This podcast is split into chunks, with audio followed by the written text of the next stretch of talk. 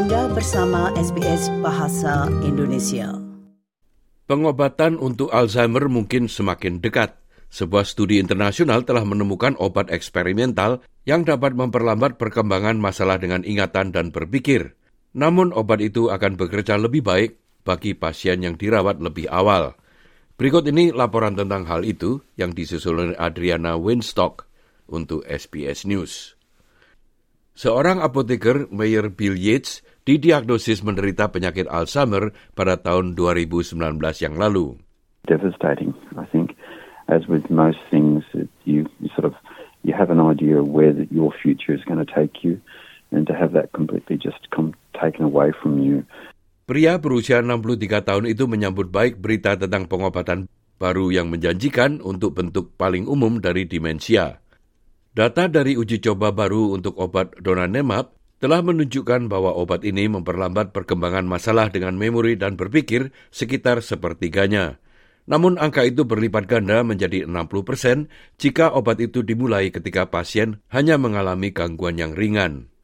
Terapi antibodi ini bekerja dengan menghilangkan endapan atau plak dari protein yang disebut beta amyloid dari otak. Pemimpin studi itu, neuroradiolog Emmer McSweeney mengatakan obat tersebut yang dikembangkan oleh perusahaan farmasi Eli Lilly merupakan penemuan yang belum pernah terjadi sebelumnya.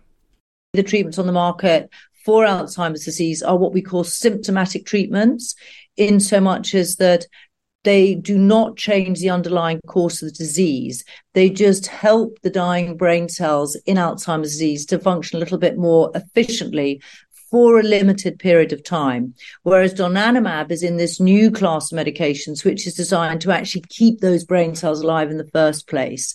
So it's disease modifying in that it changes the course of the disease. Um, and as we've seen from the results today, is effectively slowing that progression of disease by removing the amyloid protein.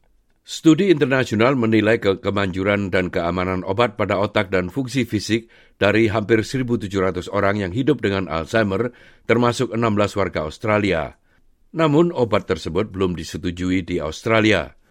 Manajer umum di Eli Lilly Australia dan Selandia Baru, Tori Brown mengatakan pekerjaan sedang dilakukan untuk membuat obat tersebut dapat diakses oleh umum.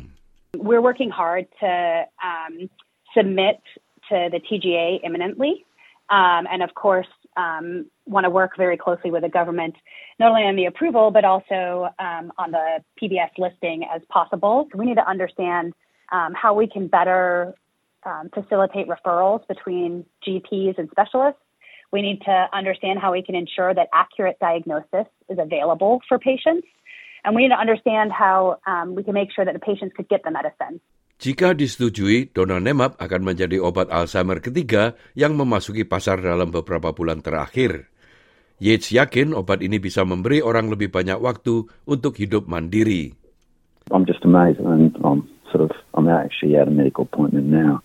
I know that when I get home I'm going to go go back and sort of read everything about this because this is something I've it's like a ray of hope.